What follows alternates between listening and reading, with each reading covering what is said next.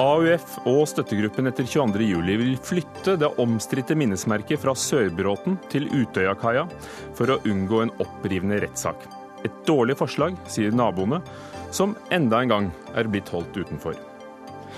Kirkens Nødhjelp har stilt seg på barrikadene for å kjempe for abort, skriver den kjente sjefredaktøren i avisen Dagen Vebjørn Selbekk. Han oppfordrer til boikott av organisasjonen, og møter dem til debatt her i Dagsnytt 18. Og Forbrukerrådet frykter flere dyre forbrukslån og støtter forslaget om en maksrente. En av de største bankene som gir nettopp korte forbrukslån, sier det vil bli dyrere for mange av kundene deres.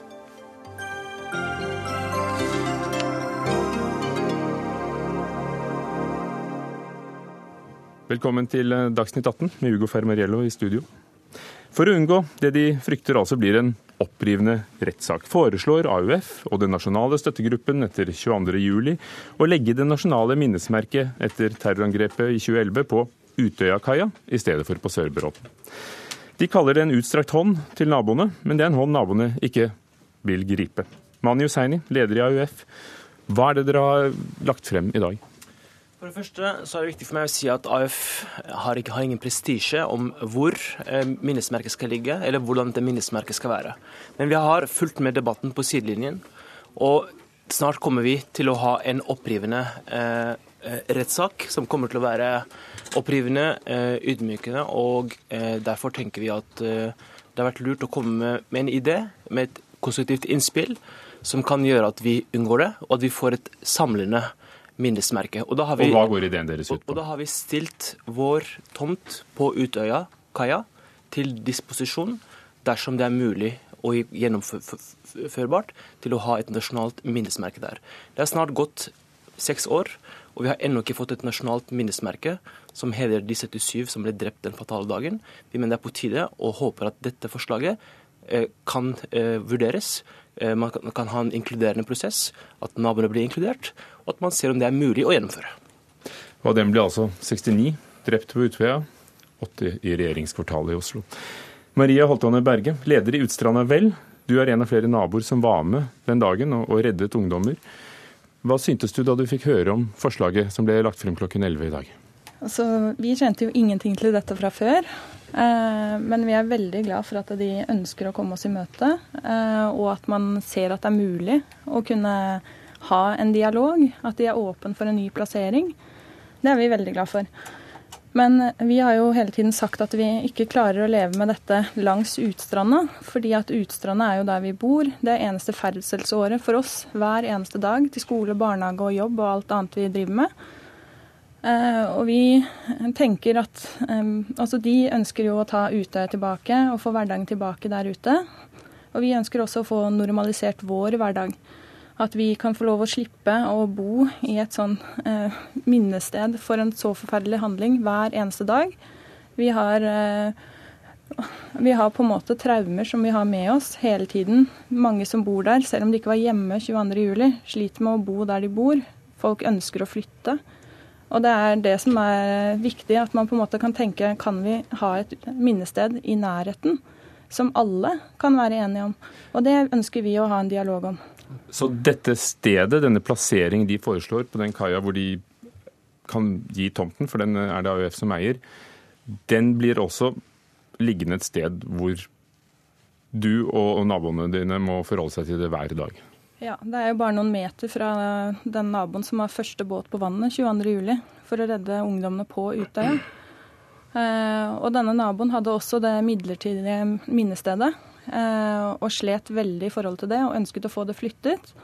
Eh, og ble ikke respektert og fikk ingen hjelp i det. Men etter hvert så var det noen naboer som stilte opp for han og fikk flyttet dette her. Og dette er jo da rett i nærheten av der hvor de ønsker å ha det nasjonale minnestedet nå. Mani Hussaini, dere gjør det for å komme naboene i møte, men likevel så er det altså første gang de hører om det i formiddag. Hvorfor har ikke de nettopp da vært tatt med på råd før i arbeidet med dette? AF har 14 000 medlemmer. Eh, støttegruppa har flere hundre medlemmer. Ingen av de har hørt om dette her før i dag. Vi har vært veldig få mennesker som har diskutert det, nettopp fordi det nærmer seg en rettssak, og så frem i dag til å presentere ideen vår for regjeringen. Det gjorde vi. Så det er også første gang veldig mange AUF-ere, veldig mange uh, etterlatte, hører den ideen. Men i den lille arbeidsgruppen, ja, ja, uh, ja og, hadde det vært en idé å snakke med naboene? Poenget er at poenget er nå det skal gjøres. Nå, nå, nå, har vi lagt frem ideen, og nå, skal, uh, nå har Jan Tore Sanner lovet at han skal inkludere naboene, noe som er veldig viktig for oss. At han skal inkludere heltene etter 22.07, de som var med og redda AUF-ere eh, eh, fra drapsmannen. Det er utrolig viktig for oss. Men jeg hører at, eh, eh at Ustrana vel mener at de jobbet med et forslag. Det er, jo, det er jo jeg og Lisbeth som har kommet med en idé i dag. Vi er ikke en part i saken. Det er Usra Navel som har en rettssak pågående. Eh, mot Sørbråten, og det er et konstruktivt innspill som vi håper kan løse denne floken. Og Lisbeth er altså støttegruppen. Eh, er det det at dere ikke er blitt tatt med i dette arbeidet, som ifølge Husseini begynner nå, da, den dialogen med dere, eller er det selve plasseringen som blir så feil altså for dere? Det som vi syns er kjempefint, er at de ønsker å ha en dialog med oss. For vi ønsker jo veldig gjerne å ha en dialog med dem, og det har vi jo også sagt mange ganger. Men vi syns det er flott at det begynner nå. Eh, og det tror jeg vi skal klare å jobbe videre med. Det har jeg veldig, veldig lyst til. Eh, men det som vi på en måte har ønsket eh, at de skal komme og se på, det har ikke vært sett på ennå fordi det har blitt avvist som en rasteplass der folk går på do. Mens det ikke stemmer, for dette er da snakk om en parkeringsplass i fremtiden. Der man eventuelt kan gå videre til en lysning inn i skogen, der man ser ned mot Utøya og får akkurat den samme opplevelsen, bortsett fra at man ikke står nede på kaia og nede langs Utstranda. Det forslaget som det har vært snakk om mm. hittil, og som eh, det da kanskje blir en rettssak om, er jo den svenske Jonas Dahlberg sitt forslag som heter 'memory wound', altså som er et åpent sår i landskapet. Man skjærer i odden. Eh, her er det da muligens snakk om noe som skal lages mye mer tradisjonelt, mye mer diskré. Vil det ikke likevel være eh, noe som i sin utforming gjør at, at dere vil kunne godta det, selv om dere ikke liker at det ligger der? Mm, altså det som er, er at Dette skal jo være et nasjonalt minnested. Eh, og Hvis man da skal gå for at det skal være et nasjonalt minnested, så vil jo folk også ønske å oppsøke det.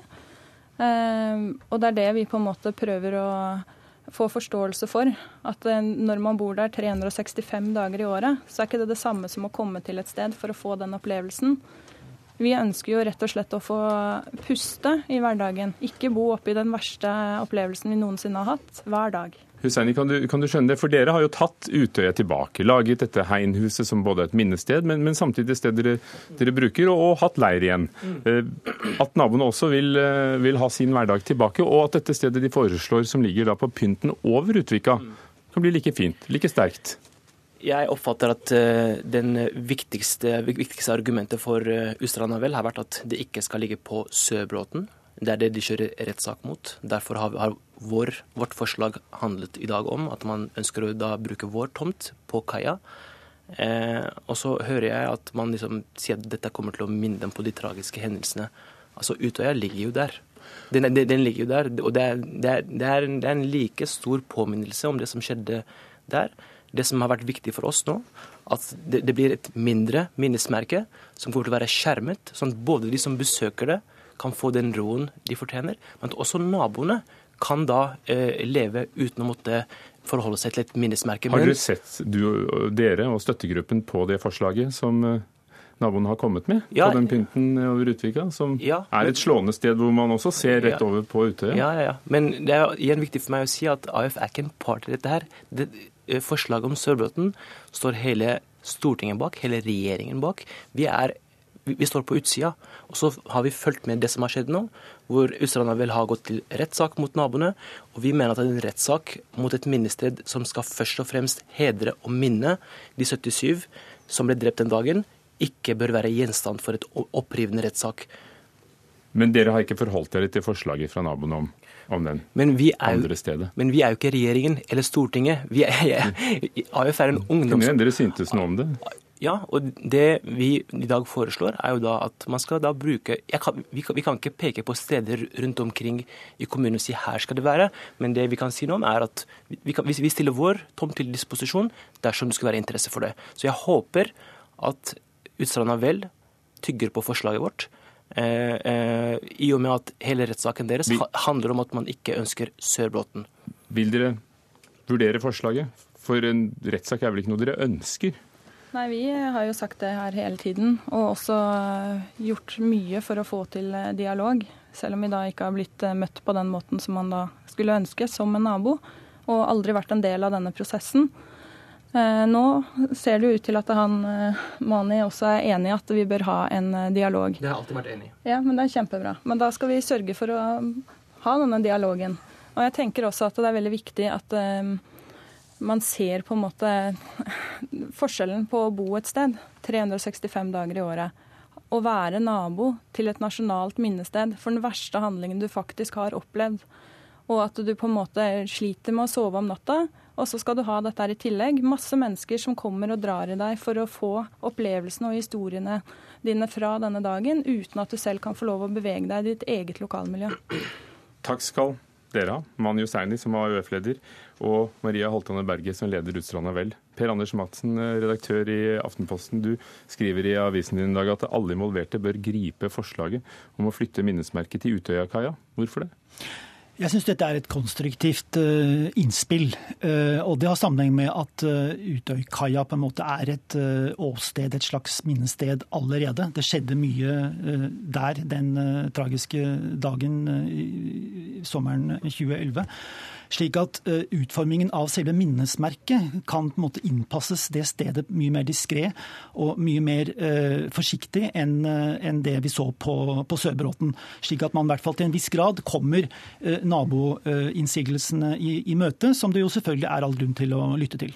Og, og nå sier jo AUF her at det skal være dialog, men det begynner nå, selv om naboene hadde ønsket den før, men var, var det smart å ikke begynne tidligere? Jeg syns det er rart at, eh, at, at departementet og, og kommunalminister Sanner ikke sørget for at naboene fikk et vink på forhånd om hva som skulle skje i dag. fordi det er klart at departementet har vært orientert om substansen i dette forslaget, selv om det er lagt fram som et, som et forslag. Særlig i lys av at Sanner allerede våren 2014 eh, sa at uh, prosessen har vært haltende, og at, at, naboene burde vært trukket mer aktivt inn tidligere. I lys av det burde naboene ha fått et varsel på forhånd, syns jeg. Bjørn Harald Blake, ansvarlig redaktør i Ringerikes Blad. Du har jo stedet under huden. Bør naboene gripe dette forslaget som, som Madsen foreslår? Jeg tror det er en veldig positiv utvikling. Nettopp at eh, det nå åpnes for, for ny debatt eh, igjen om plasseringen. Det er viktig for, eh, for, naboene, og det er viktig for de heltene som tro til den dagen hvor det forferdelige skjedde. Ehm, så, så det, er en, eh, det, er å åpne en ny mulighet, og den, den, muligheten eh, er det viktig at alle griper. Og Så er det spørsmålet i, i hvilket mulighetsrom eh, man ønsker å se på i, i denne sammenhengen. Men Forstår du at naboene som vi hørte ganske tydelig her, mener at det er et, et forslag som, som, de ikke kan leve med? Og, og, de har jo pekt på et annet sted som, som er ganske frapperende i sin beliggenhet, men, men som ikke blir tatt opp nå heller. Ja, altså det nye, det nye, nå er jo at, eh, at Sanner åpner for å, å, se på plassering på nytt. Uh, og det, det, er en mulighet som, som man bør bruke. Uh, det som har vært litt leit i denne, denne prosessen, er at naboene ble på et tidlig tidspunkt hørt under styringsgruppas arbeid med, med forslaget til plassering. Eh, så ble de på mange måter eh, skjøvet litt ut på, på sidelinja da, da, da, arbeidet med utformingen eh, skulle, skulle, gjøres. Det gjorde at en prosess som for så vidt starta godt, kom ut på et dårlig spor når det gjaldt dialog med, med naboene. Og dit, der ble man, og kom ikke ordentlig tilbake på, på et dialogspor før det på mange måter var for sent. Nå har man muligheten til å starte en ny prosess knytta til det, og det, det, tror jeg er positivt. Per Anders Madsen, bør i denne prosessen, når det nå åpner seg opp en debatt igjen, bør eh, naboenes eh, forslag også bli tatt til vurdering? Jeg ser ikke noe grunn til at det ikke skal eh, tas eh, til vurdering, eh, det også. Nå ligger det altså et konkret forslag på bordet. Jeg syns vi i første omgang skal gi det en sjanse. Jeg, som sagt, jeg, jeg syns det er sterke argumenter for, de, for, det, fordi det knyttes direkte til forløpet 22.07. Slik at jeg syns det er aller viktigst nå å, å uttømme de mulighetene som ligger i det forslaget. Jeg tror også at det er, er, er ikke det lettere å, å si når man for, for, for, deg og andre som ikke skal bo der hver dag? Det er det, og derfor er det all grunn til også å ha med eh, nabomiljøet i dette, i dette arbeidet som nå, som nå kommer. Jeg, skal, jeg, tror vi skal være litt oppmerksom også på at det er jo ikke slik at hele, hele lokalmiljøet, hele kommunen, uh, stiller seg så mot dette forslaget. Jeg tror at, jeg tror at uh, ordføreren i Hole kommune, Per Berger, uh, også snakker for ganske mange i dag, når han sier at dette er et konstruktivt forslag som det er all grunn til å se nærmere på. Det er altså ordførerens eh, eh, karakteristikk av det som har skjedd i dag. Bjørn Harald Blaker, kan det bli en, eh, en opprivende debatt også på Ringerike? Jeg håper ikke det. Vi, vi, har nå kommet fem år ut i en prosess, over det også, hvor dette har vært et sår som har blitt pirka i. Og det er klart at den forestående rettssaken vil på nytt åpne de sårene. Eh, jeg tror det er viktig nå at man kommer så fort som mulig i en, i en konstruktiv prosess for å diskutere plassering eh, og senere utforming, som gjør at man kan lande denne saken og, og, og kan komme videre. Det er viktig for, for, alle parter i dette her. Og dette forslaget som vi har sett bilder av i, i noen år nå, Memory Wound, det blir, blir, noe av det, tror du, Per Anders Madsen? Det tror jeg er lite sannsynlig ut fra det som nå er utviklingen i saken. Takk skal dere ha, alle sammen, for at vi begynte her i Dagsnytt 18. Mani Hussaini, Mari Holtane Berge, Per Anders Madsen og Bjørn Harald Blaker.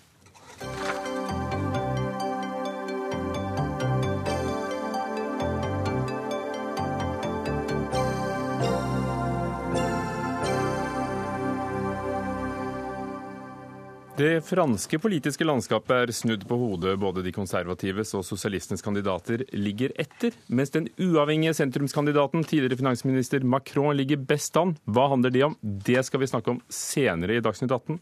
Men nå skal vi eh, se på nesten hele resten av verden. Slutt å gi penger til Kirkens Nødhjelp. Dette var nemlig beskjeden som sto på lederplass i eh, den kristne avisen Dagen, ført i pennen av den kjente sjefredaktøren Vebjørn Selbekk. Og dette skjedde etter at generalsekretær Anne Marie Helland i Kirkens Nødhjelp gikk ut i Vårt Land og kritiserte Kristelig Folkeparti for feiget, fordi partiet ikke ville ta et standpunkt og kjempe for sårbare kvinners rett til abort. Og det var et nøyaktig sitat. Vebjørn Selbekk, boikott av Kirkens Nødhjelp et drastisk opprop? Ja, nå eh, bruker ikke jeg ordet boikott. Men det er jo sånn man må dra på litt i titlene for å havne her i Dagsnytt 18. da. Men, eh, men, som du sier, denne saken har jo sitt utgangspunkt i at Kirkens Nødhjelp tar et helt nytt abortstandpunkt. Og i gårsdagens Vårt Land refser Kristelig Folkeparti fordi KrF er det eneste partiet som har, fortsatt har et restriktivt abortsyn Eh, i det norske politiske landskapet.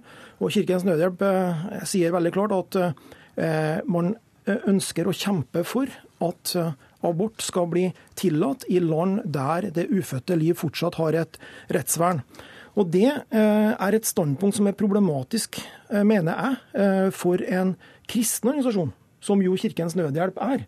Dette er dere eid av Den norske kirke, og flere eh, frikirkelige samfunn, bl.a. den norske pinsebevegelsen. Og alle disse har jo, eller mange av disse i hvert fall, har et eh, helt annet eh, standpunkt i denne saken enn det dere har. Så jeg mener vi trenger Kirkens Nødhjelp som en eh, Men et annet sterk, enn det det er? Ja, en, nei, men vi trenger det som det tradisjonelt har vært. Som en sterk For jeg vokste opp i et Kirkens Nødhjelp-hjem. Eh, eh, vi har, familien min har støtta Kirkens Nødhjelp i årtier. Vi trenger det tradisjonelle Kirkens Nødhjelp, som står på de fattige, de undertrykte side. Vi trenger ikke enda en aktør i den politiske abortkampen. I 2012 var det at dere Anne Marie Helland, tok et standpunkt i Kirkens Nødhjelp om at dere skal kjempe for retten til lovlige og trygge aborter for utsatte kvinner. Har dere gått bort fra det Kirkens Nødhjelp som eh, foreldre støttet? Neida. Jeg vil jo først avkrefte at dette er et nytt standpunkt. For som sagt, dette er et standpunkt et vanskelig, etter en vanskelig prosess som Kirkens Nødhjelp styre kom fram til i 2012. Og det dreier seg verken om KrF eller om den norske eh, abortdebatten. Utspringet for vår eh, kritikk, eller utfordring til KrF, var at Donald Trump i USA har nå sagt og skrevet under på et eh, presidentdekret som sier at eh, amerikansk bistand ikke kan gå til organisasjoner som støtter reproduktiv helse, hvor man nevner ordet abort. For helt siden 1973 har USA ikke gitt penger til organisasjoner som utfører aborter. Nettopp. Men nå er det altså da dette kalles den munnkurvregelen som Donald Trump nå har innført, som gjør at man har heller ikke lov å snakke om det. Man har ikke lov å informere om at det finnes alternativer for trygge medisinske aborter. Hvilke organisasjoner støtter dere? Og jobber dere med? Vi jobber med lokale eh, organisasjoner i Malawi, i Sør-Sudan og i Mali. Og det som er problemet, grunnen til at vi kritiserer KrF på dette, eller man må gå ut og ta et tydelig standpunkt, for det som skjer nå, kommer til å skje nå med Trumps dekret som kommer fra USA, er at bistand også til forebyggende arbeid, for å forebygge uønskede svangerskap, for å gjøre mødrehelseoppfølging, for å gi trygge fødsler, det vil forsvinne. For det, eh, det å snakke om å tilby aborttjenester, eller det å kunne snakke om at det fins som et alternativ, det er del av en helhetlig pakke for kvinnehelse. Så ved å ta vekk det elementet, så vil det forsvinne masse midler til også vanlig sykehusdrift og, og, og, og kvinnehelsetjenester, og da vil flere mennesker dø. Og dette er bekrefta, for dette er en regel som USA har hatt i flere år. Og, da vil dere kjempe for at de skal få en lovlig tilgang til trygge aborter i land hvor det ikke er lov? Ja. Altså Ikke Kirkens Nødhjelp direkte, det er viktig å si. Vi jobber jo gjennom partnere. Så vi driver ikke og jobber mot andre lands myndigheter.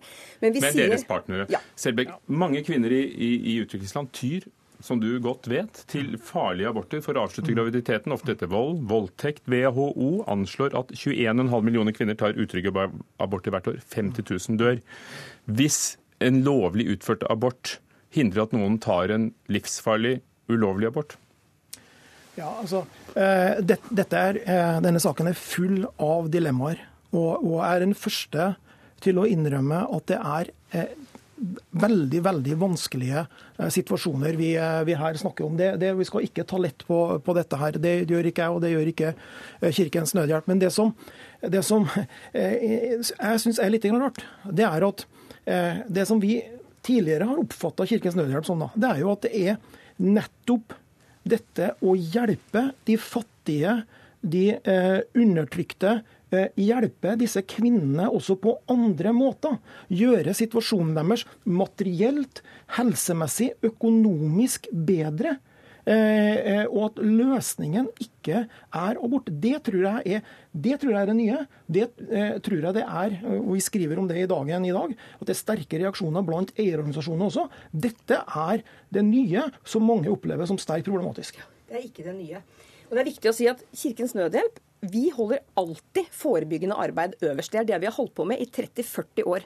Eh, men bare for å illustrere, når, når, Selbekk, når du oppfordrer til å slutte å gi til Kirkens Nødhjelp, det betyr at i dragsuget av det så vil vår sykepleierutdanning i Malawi, jordmorutdanningen i Malawi, utdeling av kondomer, informasjon om seksualitet Alt dette er det du da ber folk å slutte å gi penger til. Tror du det vil gi flere Nei, eller færre da, du, da, må, da, må, da må lese, uh, da må lese lederen min. for det, det jeg skriver der veldig klart, det er at vi må fortsette å gi penger. Vi må fortsette å støtte fattige, undertrykte, støtte kvinner i den tredje verden. Men så finnes det mange andre organisasjoner som klarer å gjøre det uten samtidig å refse Kristelig Folkeparti, uten samtidig å være en politisk eh, aktør i abortsaken. Reproduktiv helse og rettigheter eh, er noe av de største områdene for, for å sikre eh, folkehelse, eh, særlig i fattige land. Og, og, og, hvis du ikke gir støtte i organisasjoner som opplyser om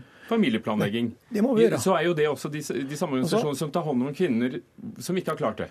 Og, og hver gang republikanerne kommer til makten i USA, så kutter de. og og, og, det var nettopp en KrF-bistandsminister som var med da Hilde fra Fy Jonsson satt da Bush kom, som var med og, og støtte at man kompenserte i Norge. Så det er jo ikke hele det kristne miljøet som står bak. Knut Arild Hareide tok til orde for denne politikken i går. Eh, ja, det tror jeg nok eh, det, det, tror jeg nok det er litt delte meninger om. Og det standpunktet eh, burde han sjøl ha vært her og, diskutert. Jeg er ikke sikker eh, på det. Men Donald Trump og USA de eh, står for det de står for. Jeg støtter Alt dette her som går på eh, seksualundervisning, prevensjonsmidler, alt dette kjempe, kjempeviktig. Det eneste problemet er abort og det nye standpunktet som Kirkens Nødhjelp eh, legger til grunn der. Og Der tror jeg ikke siste ordet er sagt. Der tror jeg også eierorganisasjonene deres reagerer. og, og det ser vi. Anne Marie Helland, nå sier du at det er ikke et nytt standpunkt, men forstår du at det er jo et, et sårbart standpunkt? Og du sa selv det var vanskelig da dere kom til det i, i 2012, men dere, dere, er en kristen organisasjon. Eid av Kirken, menigheter. Absolutt. Eh, så, så kunne dere overlatt det feltet til andre? Dette er et kjempevanskelig tema. Eh, den realiteten vi står overfor altså Vi, vi eh, blander oss ikke opp i norsk eh, abortdebatt, men den realiteten vi står i på bakken, det vi danner våre synspunkt på grunnlag av, er de kvinnene vi møter. Jeg har selv opplevd at en 14-15-årig jente blødde i hjel foran meg på stien fordi hun hadde puttet en pinne inn i sin egen livmor med det formål å gjøre så stor skade at hun skulle miste det barnet hun var på. Da hun var på vei til en klinikk for å få stanset blødningene, hun rakk aldri fram. Jeg kan aldri slutte å tenke på hva kunne vi ha gjort for å hjelpe den jenta? Men hun var helt sikker på at hun ikke kunne få dette barnet. Hadde hun visst at hun kunne gå til en klinikk, hun hadde bestemt seg for å ta abort, hadde hun visst hun kunne gå til en klinikk og fått hjelp, da hadde hun møtt voksne personer der som kunne veilede henne, som kunne peke på alternativene, som kunne fortelle henne hva slags tilbud som fins. Problemet er at denne jenta visste at abort er ulovlig. Jeg må gå bak en busk, og jeg må gjøre det selv. For det, det er ikke verdig. Det er også om å redde liv, og hva skal til for at du vil si at støtt Kirkens Nødhjelp? Nei, jeg, jeg håper det. At Kirkens Nødhjelp kan tone dette ned kan eh, si klart fra at når det gjelder å kjempe Men Mener du da ikke støtteorganisasjoner som ja, støtter jeg mener, jeg mener, vi, eh, jeg mener vi, vi, trenger ikke mer av dette her, som man gjør i Vårt Land i går. Ber KrF kjempe for abortrett. Og denne, denne, politiske markeringen som dette her er. Det er det jeg håper dere kan slutte med. Og så kan vi samles alle sammen om kjerneoppgaven til Kirkens Nødhjelp. Er det politikk eller praksis? Dette er praksis. Altså, dette er kjerneoppgaven til Kirkens Nødhjelp. Du sa selv at man, de overskriftene bestemmer ikke vi. men jeg vil, jeg vil rose Knut Arild Hareide, for han kom ut i går ettermiddag og viste seg som en sann partileder. For han gikk ut der og, og, gjorde akkurat det vi ba om, nemlig å ta avstand fra Trumps politikk, det, og sa at dette fører til flere dødsfall. Å ta avstand fra USAs nye, gamle politikk, er det det samme som å støtte abort? Nei, men det er jo det eh, dette her handler om. Altså, ja, men, ja, men, ja, men, ja, men eh, Donald Trump tar vi avstand fra alle sammen. De fleste her i Norge gjør det. Det som kommer fra Det hvite hus nå, er dessverre stort sett veldig, veldig dårlig. Dette handler om Kirkens Nødhjelp, som har tatt Og et nytt standpunkt. Og dette handler om at vi dessverre ikke kommer lenger. Men takk skal dere ha. Vebjørn Selbukk, sjefredaktør i Dagen. Anne Marie Helland, generalsekretær i Kirkens Nødhjelp.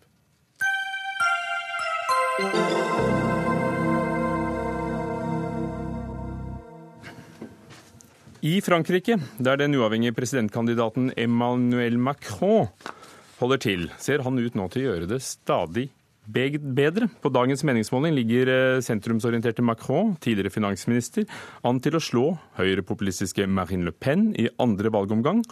Forutsatt at de begge tar seg videre fra den første valgomgangen, og det ser det ut til at de gjør. Samtidig har det vært demonstrasjoner i flere franske byer for fjerde dag på rad. I Paris er 200-300 mennesker samlet på gaten, i Nantes rundt 300-400, og det samme i byen Rennes, etter at en 22 år gammel mann i forrige uke angivelig ble mishandlet av politiet. Philip Lote europakorrespondent eh, her i NRK. Hva dreier denne saken seg om, Theo-saken, som den kalles? Ja, Theo-saken handler da om at en eh, 22 år gammel svart eh, franskmann eh, har eh, angivelig blitt voldtatt av politiet med en eh, batong da politiet var ute for å prøve å slå ned på narkotikahandel i en av Paris sine nordlige forsteder. I dag så har en foreløpig etterforskning fra politiets side vist at det Eh, de mener det ikke er hold for voldtektspåstandene, men en dommer har opprettholdt eh, siktelsen mot én eh, politimann. Så Theo-saken, som den er kjent, altså man bruker bare dette ene navnet på offeret, den er overhodet ikke avsluttet. Og president Hollande har besøkt Theo på sykehuset, og også statsminister Bernard Cazeneuve har uttrykt sin solidaritet med Eh, Theo. Og eh, alle de opptøyene og den uroen som nå har vært de siste døgnene, den har også Theo kommentert, og han har bedt folk holde seg rolig. Theo er da en eh, sosialarbeider, en ungdomsarbeider, som sannsynligvis ikke hadde noe med denne narkotikaomsetningen som politiet forsøkte å slå ned på. Så hvordan han ble dratt inn i dette her er litt uklart, men, men det er en veldig opphetet sak i Frankrike nå. Hvordan spiller denne saken inn i presidentvalgkampen, som er i gang, kan vi si? Du sier at Venstresiden er tidlig ute med å prøve å, å rekke ut en hånd til eh, innvandrermiljøet og prøve å roe dette her. Eh, når både Cazeneuve, statsministeren, og Hollande eh, personlig går inn i saken.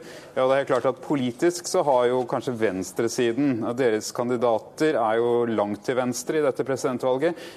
De har jo mulighet til å understreke at her snakker vi om frustrert ungdom som tyr til opp opptøyer for å gi uttrykk for sin eh, misnøye med de sosiale omstendighetene og mulighetene de har. Eh, og Så får vi se hvordan eh, de lenger til høyre svarer etter hvert. Men, men det er helt klart at dette spiller inn i diskusjonen om innstramningspolitikk, økonomisk politikk og hvilke fremtidsutsikter mange franskmenn opplever at de har. Kjersti Aukrust, førsteamanuensis i, i, i fransk ved Universitetet i Oslo. Du skrev i en kronikk på NRK Ytring at det er fransk kaos. Hvordan kaos? Ja, Det er politisk eh, kaos nå. Eh, fordi det som pleier å være et ganske forutsigbart eh, landskap, det er ikke det lenger. Tradisjonelt og historisk så har det vært disse to kjempene, Sosialistpartiet på venstresiden og de konservative på høyre, som har kjempet om å bli president. Unntaket under Den femte republikk var i 2002, da Jean-Marie Le Pen overraskende danket ut eh, sosialisten eh, Lionel Jospin og kom til andre omgang. Men eh, det vi ser nå, er noe helt annet. Fordi ikke bare er det helt sikkert nesten at Marine Le Pen kommer til andre valgomgang, altså lederen i Nasjonal Front, men det er også mulig at verken de konservatives presidentkandidat François Fillon eller sosialistenes presidentkandidat Benoît Hamon kommer til andre valgomgang, og at nettopp denne Emmanuel Macron, jokeren, at han, eh, at han eh, klarer kunststykket å, å komme til andre valgomgang. Og skulle det skje, så får vi et helt nytt politisk landskap. De liberales håp, skrev eh, Aftenpostens kommentator i dag. Hva sier du om meningsmålingen som kom i dag, som viser at han faktisk har en sjanse til å, å vinne? Eh, Emmanuel Macron, som, altså tidligere finansminister i, i en sosialistregjering, eh, som, som kom litt ut av det blå? Ja, for to år siden var han jo helt ukjent. Da var han en uh, suksessfull bankmann. Eh, men så ble han tatt under eh, president Francois Hollandes vinger og ble først hans rådgiver i LSE-palasset, og så, som du sier, fikk han ministerpost. Men bortsett fra det så har han ikke noe eh, politisk erfaring. Han har aldri vært folkevalgt. Og han har heller ikke noe tradisjonelt parti i ryggen. Hans bevegelse en marche, som betyr fremad, det er eh, noe litt annet enn det vi er vant til å se. Og han også er en helt annen type enn man er vant til å se i fransk politikk. For det første er han 39 år, som er jo meget ungt til å skulle bli eh, potensielt eh, Frankrikes president.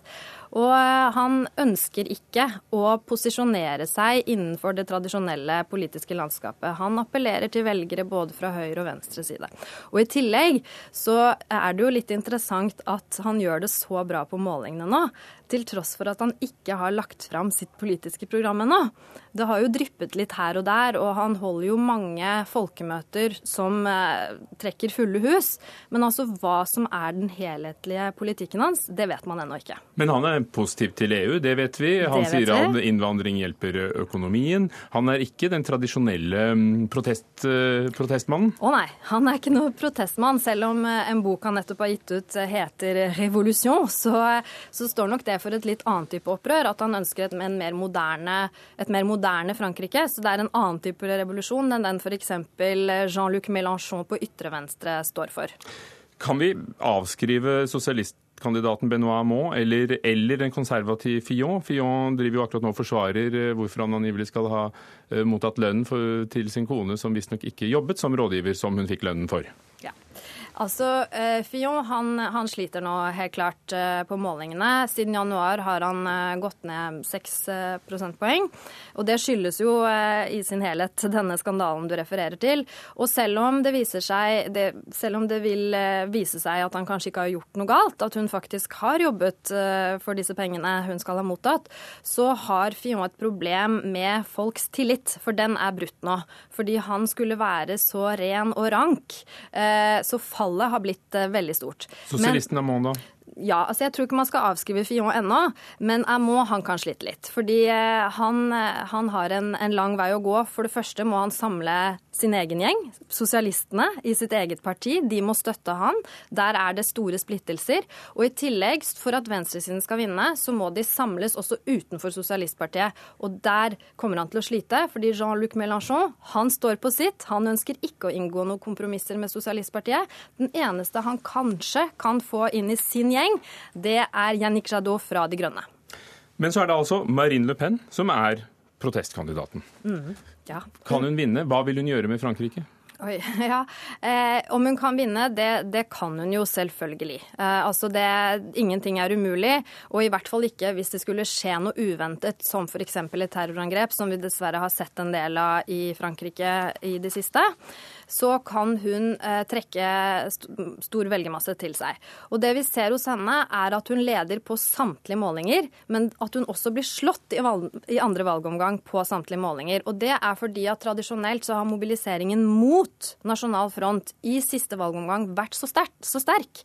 Og det tror jeg kommer til å skje i, også, i år også, fordi at eh, Marine Le Pen er en utrolig splittende kandidat som har lojale velgere, ja, men også en massiv motstand i stor del av befolkningen. Og da kanskje det går, som dagens meningsmåling sier, at uh, jokeren Emmanuel Macron kan, kan bli president. Philip Lotte, hvordan ville EU-skeptikeren Marine Le Pen bli, bli sett på fra, fra etablissementet i Brussel, eller, eller Berlin kanskje? Alle som snakker om en mulig Le Pen-seier, eh, beskriver jo da eh, situasjonen som nærmest at da ville det komme en krigserklæring fra Paris mot Brussel. Eh, hun ønsker å trekke Frankrike ut av euroen. Hun ønsker et helt annen type EU. og Hvis hun ikke kan få det, så ønsker hun ikke EU i det hele tatt. Eh, så alle diplomater, toppbyråkrater og EU-ledere du snakker med her i Brussel, sier jo at hvis Le Pen får makten i Frankrike, så kan vi slutte å snakke om det EU som vi ser i dag. Og valget står altså til våren. Takk skal dere ha begge to. Philip Lote, vår korrespondent i Brussel, og Kjersti Eikrust, førsteamanuensis i fransk, i litteratur og områdekunnskap ved Universitetet i Oslo.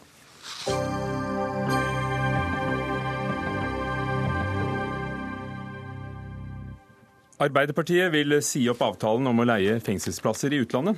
Det står i forslaget til partiprogram, som de da vil gå til valg på hvis dette blir vedtatt, og som blir lagt frem denne uken. Siden 1.9.2015 har eh, Norge hatt en avtale med Norgerhaven fengsel i Nederland om at 242 straffedømte fra Norge skal få sone der.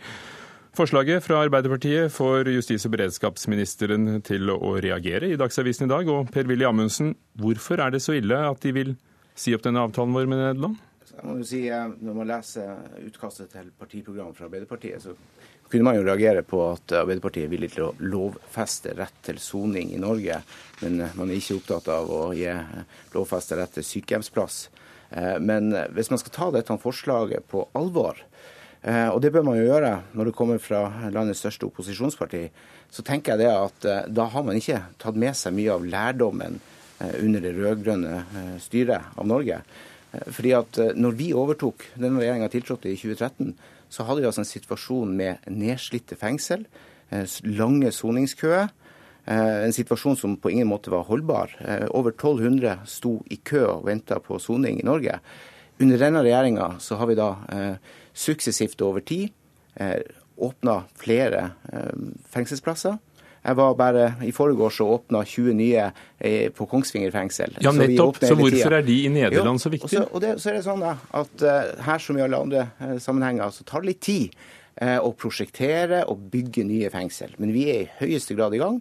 Men alternativet til å ha disse plassene i Nederland, det er det samme som å, som å si at vi gjeninnfører soningskøen igjen. Så her har altså Arbeiderpartiet svært lite historisk gods å komme med, og dette er et forslag som bare vil øke soningskøen. Kari Henriksen, medlem av justiskomiteen. Her er altså tallene. 1176 i soningskø ved regjeringsskiftet 2013, nå 315. Dette var tall fra januar. Har dere ikke gjort hjemmeleksen deres? Jo, det har vi gjort. Eh, og det har vi virkelig gjort. Men det er tre grunner til at eh, vi ønsker eh, å oppheve den leieavtalen. Og vi vil selvfølgelig vurdere det hvis vi skulle komme i regjering. Eh, vi har nemlig alternativer. Vi har tidligere hatt høye soningskøer. Da har vi bygd ut fengsels, fengselsplasser i Norge. Og vi har økt bruken av alternativ soning, som f.eks. elektronisk kontroll og bøtetjeneste. Og Det å investere pengene i Norge det gir arbeidsplasser, og det vil generere aktivitet her hjemme. Det er det første. Og For det andre så er avtalen dyr og dårlig. Bare fra i fjor til i år så går 21 millioner rett ut av vinduet fordi euroen ble dyrere. Vi får ikke én fengselsplass for de 21 millionene. Vi får ikke heva kvaliteten noe som helst. Men det er altså bare penger som går med til å administrere eh, denne avtalen. Og For det tredje, tredje så har vi et prinsipielt standpunkt. og det er at Hvis vi er dømt i Norge, så skal vi sone i Norge. Med mindre det er snakk om soningsoverføring til hjemlandet. Per-Willy Amundsen, hva med å bruke kapasiteten som er i Norge, og heller vente på at den blir ledige, og, og finne alternative metoder? Fotlenger bl.a.? Altså, det, vi, altså, det er ikke sånn at bare, man kan bare gjøre én ting. Vi gjør jo flere ting samtidig. Disse eh, plassene i Nederland de er jo midlertidige. Det er jo ikke noe permanent løsning. Men det tar tid å bygge opp ny kapasitet. Eh, når de rød-grønne gjennom åtte år eh, ikke gjorde jobben sin, så var vi nødt til å sette i gang og gjøre det i 2013. Eh, og nå leverer vi. Vi bygger masse nye fengselsplasser. Men vi måtte jo også ha på plass en midlertidig løsning, for vi kunne jo ikke leve med ei soningskø på 1200. Og dermed så har vi løst det. Vi har tilnærma avvikla soningskøer. Men de her påstandene hvor, hvor, mye penger har de kostet Nederland? Og, det er jo blitt dyrere pga. kronekursen, selvfølgelig. Men det, jo, men det, er ikke riktig. For her er også et sentralt punkt som Arbeiderpartiet ser totalt bort ifra. Disse, hvis man tar hensyn til helheten i kostnadene, så er faktisk disse soningsplassene i Nederland rimeligere enn tilsvarende plasser i Norge. Så dette henger ikke på greip. Man har tydeligvis ikke gjort regnestykket. fordi at eh, Hvis du tar hensyn til både driftskostnadene eh, og selvfølgelig også investeringskostnadene, så er det faktisk betydelig rimeligere de plassene vi har i Nederland. Så økonomien henger ikke sammen, og køen henger ikke sammen. Med Arbeiderpartiets løsning så det betyr det samme som at man må eh, måtte gå rett inn i nye soningskøer. Henriksen, det er, ville vært billigere, og det er et midlertidig tiltak. I tillegg til nye plasser og alternative soningsformer er, er, svaret du får. Og, og, tenker dere, Denne leieavtalen løper til 1.9.2018. Hvis, hvis dere kommer i regjering til høsten, vil dere, dere da ikke brukt de siste ledige plassene, eller vil dere utnyttet den kapasiteten? Vi ville selvfølgelig gjort en helhetsvurdering på hvordan økonomien ville vært, og hvilke forpliktelser vi hadde både i forhold til å innfri avtalen, men også i forhold til å bygge fengsler her i Norge. Og det er sånn at Arbeiderpartiet har mye større ambisjoner både på Norges og på kriminalomsorgens vegne enn det Fremskrittspartiet har. Vi har hatt høy soningskø før, nemlig 3500. Da bygde vi den ned ved å gjøre de tingene jeg sa, i Norge. Men hvorfor fikk dere ikke det til i den perioden dere jo, var i regjering? Hvorfor arvet eh, Amundsen og, og hans parti ja, denne køen? Det var fordi at i 2007 så var nei, i 2005 når vi overtok, så var soningskøen 3500. Da starta vi på det prosjektet som kosta masse penger. Vi investerte over 1 milliard i Halden fengsel. Vi omgjorde en masse fengsler i Norge. Vi bygde nye kvinneenheter, og vi innførte alternative soningskøer. Alt dette fikk vi til. Soningskøen var så å si borte så, i 2009. Så du sier at han høster fruktene av deres arbeid? Nei, jeg sier at de kunne gjort det samme på nytt. Men det denne regjeringa gjorde, det var at de la alle planer om alternative soningsformer på is når de tok over. De venta i tre år. Men, men kjære deg, unnskyld. Vi gir ordet til Amundsen. Jeg, jeg må bare få snakke ferdig. De har ikke bevilga penger til å bygge noe nye lukka fengsler. Det er det Stortinget som har fått på plass. Og det er Kristelig Folkeparti som har forhandla inn penger til de store fengselsprosjektene i Norge. Og det største prosjektet Fremskrittspartiet har lagt på bordet, det er å bruke over 1 milliard kroner på de tre årene ja, okay. til fengselsplasser og arbeidsplasser i utlandet. Amundsen, er det sånn at, at, dere er blitt, den satsingen du skryter av i Norge, den ble dere pålagt av Stortinget? Eh, kjære deg, eh, det er altså sånn at det er alltid Stortinget som bevilger penger. Det er Stortinget som vedtar statsbudsjett. Og så er det et flertall for det statsbudsjettet. Ja, og det har vi sammen med KrF eh, og Venstre. Og så er det sånn, er det sånn da at, at, du må gjerne snakke om hva som foregår i, foregikk i 2005. Jeg tror det er relativt relativt lite interessant. Men det er jo bare et forsøk på å bortforklare den realiteten at gjennom åtte år, gjennom åtte år eh, så klarte dere ikke å få bort soningskøa. Dere leverte et bo til denne regjeringa i 2013 med lange soningskøer. Vi har avvikla soningskøer på tre år. Men satt dere alternative soningsformer på, på vent? Ja, men, men, nei, men vi, har, vi, er jo i full gang med å bygge ut. Vi Agder fengsel eh, ligger godt an. Jo, det hørte vi, men, men dette med alternative soningsformer, altså, stemmer det det? Her, her, hører vi Kari Henriksen si at dere satt planer om alternative soningsformer som, som fotlenke på vent i tre år. Gjorde dere det? Ja, det som er viktig, er det at vi vi, eh, vi, har fått på plass nye jo, jo, det, det det. I Oslo, Kongsvinger, Bodø fengsel, eh, i Bergen, Eidsvoll. Eh, vi, har, eh, vi, bygger to nye moduler på Ullersmo, ja. Indre Østfold. Altså Poenget mitt er at vi bygger nye fengselsplasser. Og mitt og poeng var å få svar på det Kari Henriksen anklaget deg for. At, at dere satt planer om alternative soningsformer på vent i tre år. Ja, men altså, Alternative soningsformer jeg tenker det at det viktigste er at man faktisk gjennomfører den straffa man blir pålagt, og at man ikke bruker alternative soningsformer som en løsning eh, primært for å løse eh, soningskøer. Soningskøer løser vi med å bygge fengselsplasser. Det gjør vi. Og i en midlertidig periode så bruker vi altså eh, plasser i Nederland for å bøte på problemet. Men nå liker vi alternative soningsformer også? Jo, men det, det, er også et alternativ, og det er ting som vi jobber med parallelt. Men poenget her, og det overordna poenget er, skal man beholde ei eh, soningskø som er borte, så kan man ikke avvikle de plassene vi har i Nederland. Dette henger sammen, og vi bygger nye fengselsplasser. Takk skal dere ha, begge to. Per-Willy Amundsen, justisminister, og Kari Henriksen fra Arbeiderpartiet i justiskomiteen.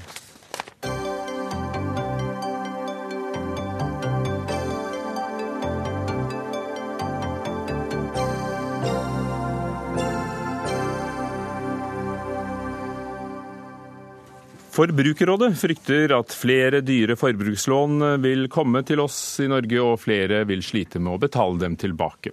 Finland har fått et rentetak, og Sverige ser ut til å få det. og Dermed vil flere aktører kaste seg over det norske markedet, tror rådet. Men et av selskapene som gir nettopp korte forbrukslån, sier at de ikke bare er ansvarlige, de hjelper en kundegruppe som faller utenom hos de store bankene. Jørge Jensen, fagdirektør for finans i Forbrukerrådet. For hvem er forbrukslån et problem? Det er jo de som egentlig ikke skulle hatt lån, de som har vansker med å betjene lånet. Det, du kan si det så lett. Altså Forbrukslån i seg selv er ikke noe problem hvis du har orden på økonomien. Kredittkort er ikke et problem hvis du har orden på økonomien. og det, Vi kan ikke si at kreditt i seg selv er, er, giftig. da. Eh, men eh, det vi frykter, det er jo at det kommer typer lån i Norge som vi egentlig ikke trenger. Eh, disse, vi har erfaringer fra Sverige og Finland med disse såkalte SMS-lånene. eller de som ligner på SMS-lån. Det er kortvarige lån til en høy pris som er veldig lett å få seg. Noen mener jo at de trenger det, ellers hadde du ikke tatt dem opp? Ja, det er, ikke, jeg sikker på om, er, om, vi som samfunn skal tillate det. Fordi at dette er fryktelig dyre lån. Og dessuten så er jo tilgangen på kreditt stor uansett. Magnus Sjøgren, du er juridisk direktør i Folkefinans AS, som i Norge eh, har f.eks. blant andre tjenesten Folkia og har sittet i det svenske regjeringsoppnevnte utvalget som utredet rentetakforslaget som kommer der. Og du er også leder for interesseorganisasjonen for eh, konsumentlångivere i Sverige. Hvilke konsekvenser vil en maksrente få, ikke bare for dere som firma, men for deres renter? Eh, kunder, mener jeg. Deres kunder. Ja, takk.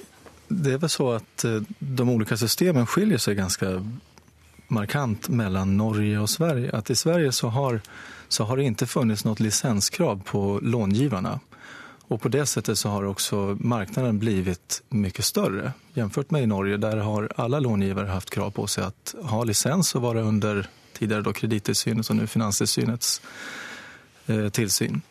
Men denne lisensen, altså at du har lov til å drive bank. Den setter jo ikke noe grense for uh, hvor store eller korte lånene kan være, eller hvor høyt renten er. Nei, men det setter krav på hvor seriøs långiveren tvinges være. Og det, det, er riktig at Tidligere i Sverige så, så fantes det inget lisenskrav. og Det gjorde at egentlig hvem som helst kunne starte og drive en sånn virksomhet. Og vi som har vært med under en lengre tid, vi har jo sett flere aktører som har kommet og sen har tvingats lämna just for at man ikke driver en seriøs utlåningsverksamhet. Og jeg är, jag är helt enig med, med Forbrukerrådet att en kredit skal jo ikke ges til noen som ikke har förmåga att betala tillbaks. Så, så, du mener at i, i, Sverige, hvor vi hørte i Dagsnytt i dag tidlig om uh, mange historier med også unge folk som betalte det ene forbruksrådet med det neste forbrukslånet, og, og, og ble i ung alder gjeldsslaver. Det fenomenet vil ikke komme til Norge i samme grad? Jag skulle säga att det är mycket högre krav på de som lånar ut. Och det, att, att man skulle se att det kommer en massa långivare in i Norge, det, det förutsätter ju att man som långivare uppfyller alla de kraven. Men vad ska jag säga, en, en bra utveckling nu, det är när man ser på gemensamma gäldsregister, som det heter på norska, där, där långivarna kan se väldigt tydligt hur stor skuldsituation som långivaren har. Och det är också ett väldigt bra verktyg att göra bra kreditvärderingar. Och redan idag i Sverige så när man kommer som ny kund och vill ta den här typen av lån så är det i sju fall utav tio så gör vi inte samma bedömning som kunden utan vi ser då att den här kunden upplever vi inte har kreditvärdighet och då säger vi också nej till en sån ansökan.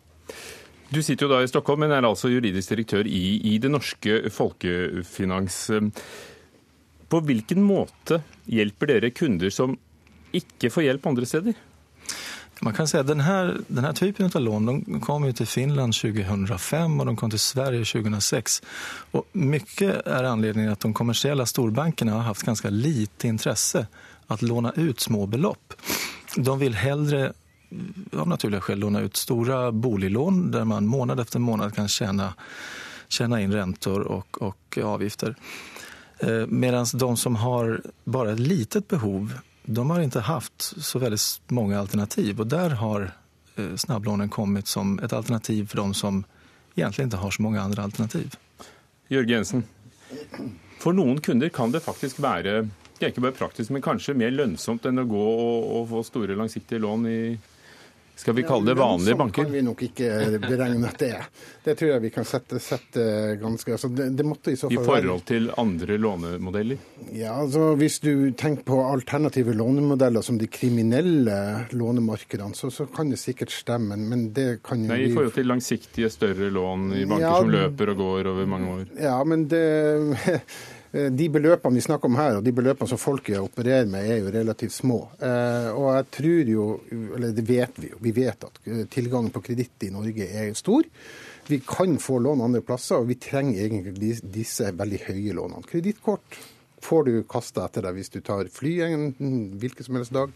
Så, så det er ikke dette, dette presset for å få tak i lån i Norge. Men så sier de altså nei til syv av ti kunder? Ja, og det er ganske helt vanlig på alle som tilbyr forbrukslån, at du har en så høy av, avvisningsrate. Jeg har hørt om banker som er mye høyere enn det òg. Heikki Holmås eh, fra SV, dere fremmet forslaget i eh, Stortinget om et rentetak, som nå er under behandling. Eh, dere slo Arbeiderpartiet på målstreken, som også har jobbet med lignende forslag. Så det er en politisk vilje til å, å, å få et rentetak. Men hvordan vil det hjelpe? Ja, det er flere ting. Vi har foreslått en pakke fordi vi ser at det er en utvikling nå der eh, folk tar opp mer forbrukslån. Vi ser at veksten i forbrukslån er tre ganger så høy som veksten i boliglån. Og, har, og, det er helt parallelt med at du har en enorm vekst i boligprisene. og Det sier litt om, om, utviklingen. Vi er bekymret for at folk blir utsatt for en aggressiv eh, markedsføring som gjør at de tar opp lån og havner i en knipe som de kanskje ikke ville vært i hvis du ikke hadde hatt den type lån. Og Da er det to ting som, særlig, eh, som jeg syns er særlig verdt å trekke frem. Det ene er markedsføringen. At vi bør, jeg mener regjeringen bør se på muligheten for å forby den type aggressiv markedsføring som vi har i dag. Muligheten for å koble kredittkort opp mot rabatter når du kjøper ting når du er på butikker eller ja, skal gjøre større innkjøp. Og så er det andre dette her med, med en, en, maksimumsrente. Og det er rett og slett fordi at eh, hvis du ser på nabolandene våre, så er det sånn at vi har 14 andre EU-land 18 andre europeiske land som har ulike former for makslån, og det mener vi er helt nødvendig å og, og, få utredet. Og Siv Jensen skriver i svaret til eh, komiteen at eh, en undersøkelse fra EU fra 2010 viser at det ikke har redusert antallet forbrukslån i de landene. Nei, men det har kanskje redusert en del av de eh, voldsomste utslagene og de voldsomste klemmene som folk havner opp i. Fordi hvis du tenker deg, eh, hvis du bare går inn på nettet og, og googler, så, uh, søk om 500 000 kroner i lån uh, raskt, uh, så får du altså tilbud på lån som har en rente bare fra Bank Norwegian opp i 40 rente, sier de at de effektiv rente kan ha. Det drøyeste lånet jeg så, var på 150% rente. Og i gamle dager så hadde vi altså noe vi kalte ågerrente.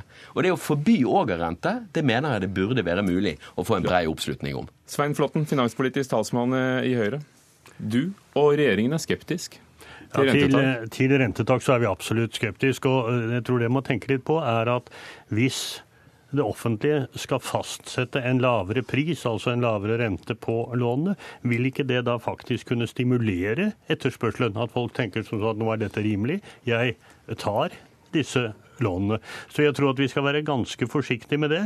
og Likedan, hvis staten har vært inne og sagt dette, at da, da er det kanskje mer legitimt å, å ta flere forbrukslån. Jeg tror at man skal bruke andre tiltak først. Og da tenker jeg, jeg er helt enig med Heikki Holmås i dette med tiltak mot aggressiv markedsføring. Og så kommer gjeldsregisteret. Det vil være veldig viktig. fordi at... Og det kommer nå? Det kommer. Uh, og Det har vært utredet av flere regjeringer. Det har vært en del ting ved det som har vært nødvendig å bruke tid på. Det har vært på høring osv. Men det kommer. Det vil bidra til at man kan utføre bedre utlånspraksis. Altså det vil ikke bli mulig å akkumulere flere lån for kundene uten at de som låner ut, ser det. Men så må jeg også legge til uh, det som jeg syns blir litt borte i denne diskusjonen.